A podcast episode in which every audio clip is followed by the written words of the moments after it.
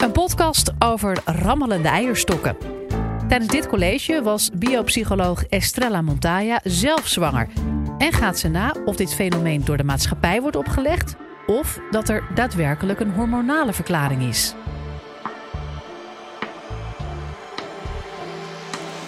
Live vanuit Club Air is dit de Universiteit van Nederland. Ja, rammelende eierstokken.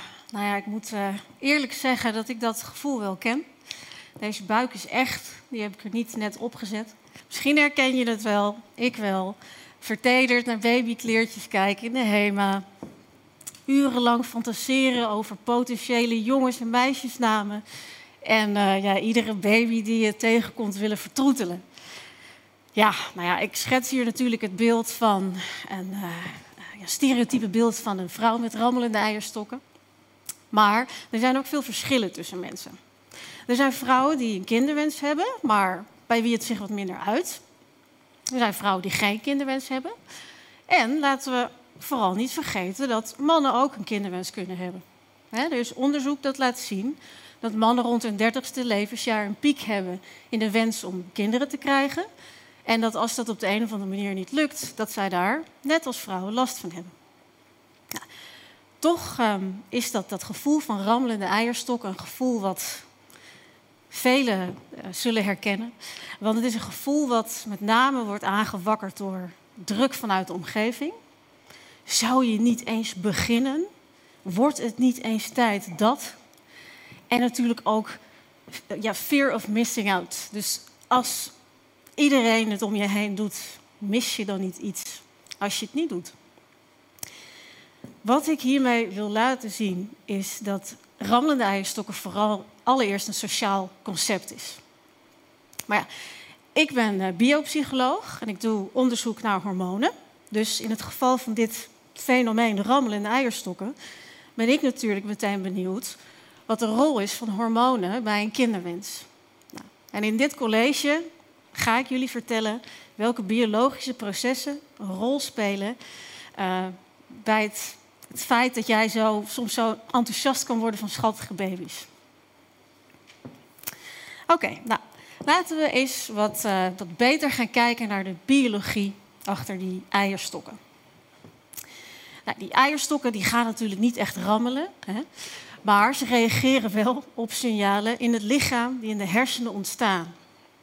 De eierstokken zijn namelijk het begin van een route die door ons lichaam heen loopt, um, die uiteindelijk de hormonen estradiol en progesteron gaan produceren.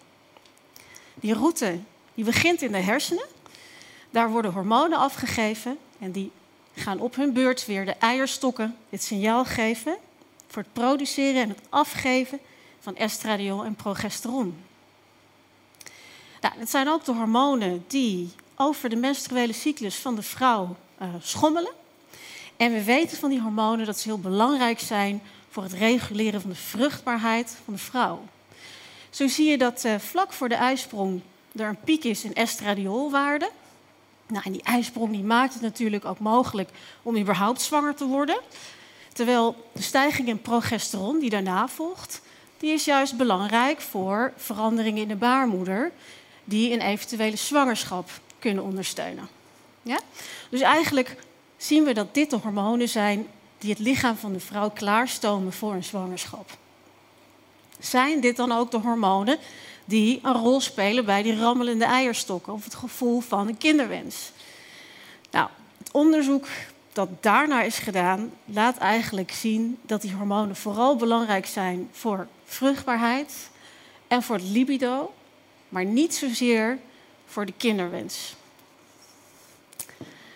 Goed, dan is er nog een ander hormoon waarvan het eigenlijk logisch is dat we die nu gaan bespreken. En dat is het hormoon oxytocine.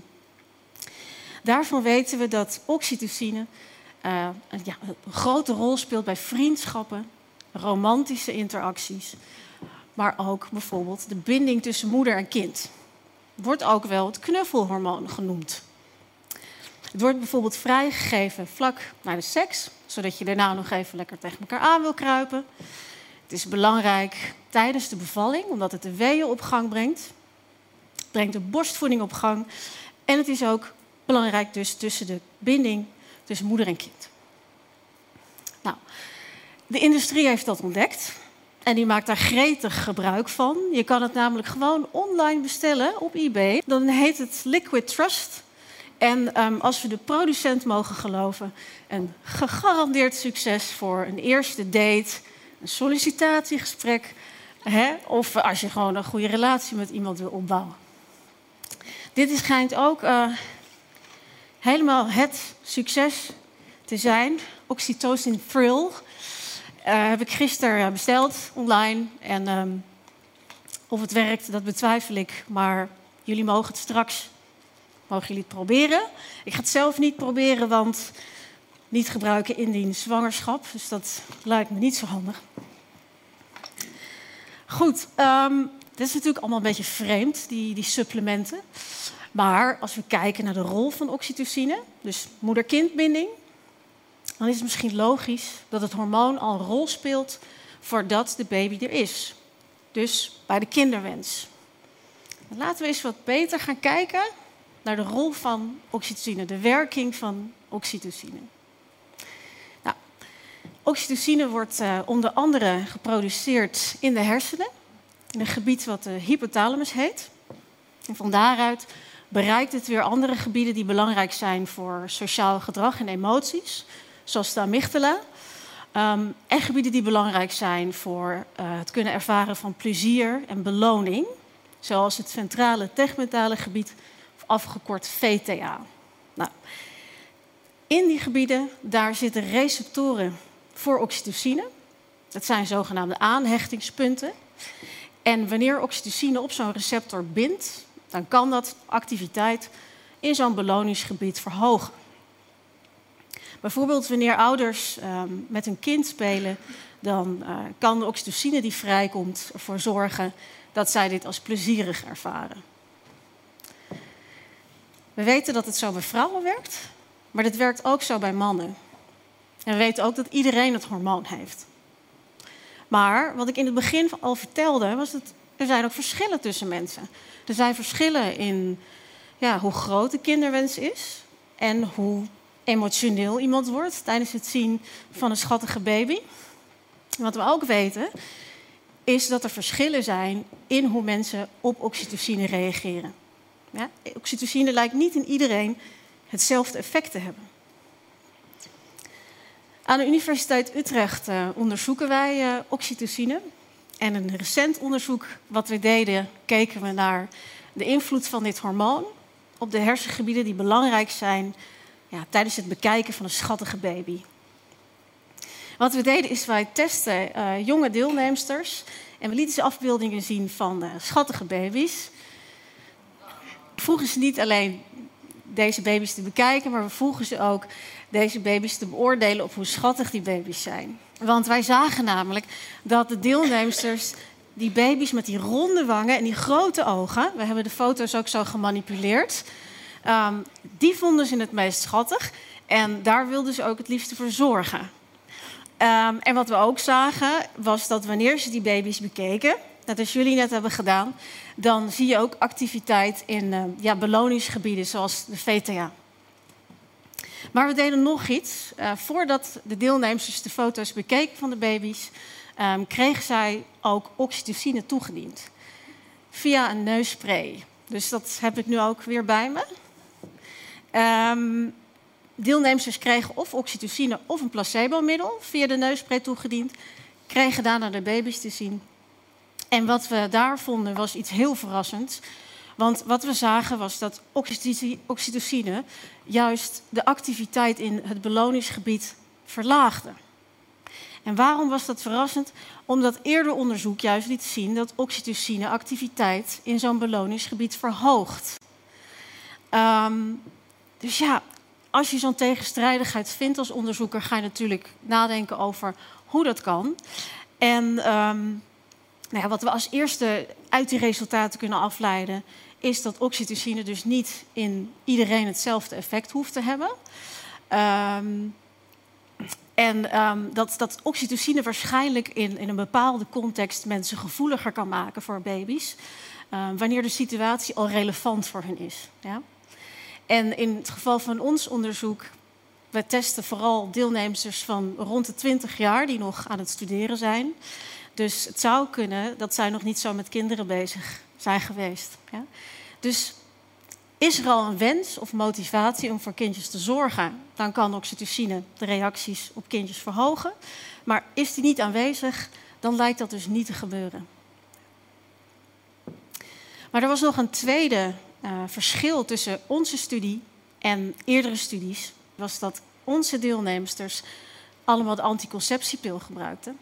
Terwijl in andere studies vrouwen geïncludeerd waren die geen anticonceptiepil gebruikten. Nou, we weten dat de hormonen die in de pil zitten, estradiol en progesteron, ook weer de functie van het oxytocine-systeem kunnen beïnvloeden. Dus het gebruik van die pil op zichzelf zou ook de werking van oxytocine kunnen veranderen. En om dat beter te bekijken, werd er eigenlijk een andere studie uitgevoerd in Duitsland. Waarbij ze dit keer niet keken naar schattigheid van baby's, maar naar iets totaal anders, namelijk de aantrekkelijkheid van de partner. En eh, wat ze daarbij deden was, uh, ze vroegen vrouwen um, om naar foto's van hun partner te kijken of naar vreemden en die te beoordelen op aantrekkelijkheid. En uh, wat ze ook weer deden van tevoren was, ze kregen oftewel oxytocine ofwel placebo toegediend via een neusspray.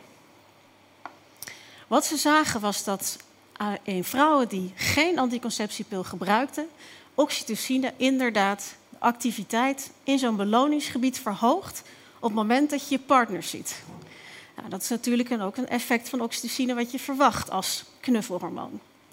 Maar vrouwen die aan de pil waren, dus die de pil gebruikten, die hadden niet zo'n effect van oxytocine. Hun activiteit in zo'n beloningsgebied werd niet verhoogd. Ja? Dus het zou zo kunnen zijn dat het gebruik van die pil de, effect, de effecten van oxytocine kan beïnvloeden. En dat het anders werkt in vrouwen die de pil gebruiken. Dus als we dit samenvatten, zien we eigenlijk twee factoren die de werking van oxytocine zouden kunnen beïnvloeden.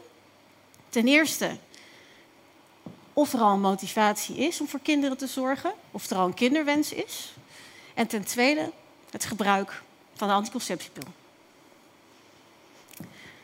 Dan gaan we terug naar de vraag waarmee dit college begon. En die is: uh, wanneer krijgen vrouwen last van rammelende eierstokken? En uh, dan uh, moeten we stellen dat het allereerst een sociaal concept is. Dat er geen hormonen bestaan die zorgen dat jij kinderen wilt. Dat wil zeggen, als er helemaal geen interesse is in kinderen, er is helemaal geen motivatie om voor kinderen te zorgen, dan kan je nog zoveel oxytocine geven, maar dan zal dat waarschijnlijk geen kinderwens tot stand brengen.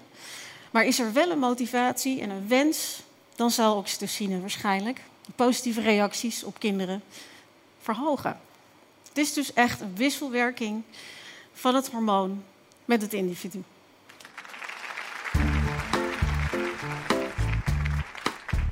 Dit was de Universiteit van Nederland. Wil je nou nog meer horen, bijvoorbeeld over de vraag waarom zoveel millennials kampen met een burn-out? Of hoe je een oogbal kunt bioprinten? Check de hele playlist.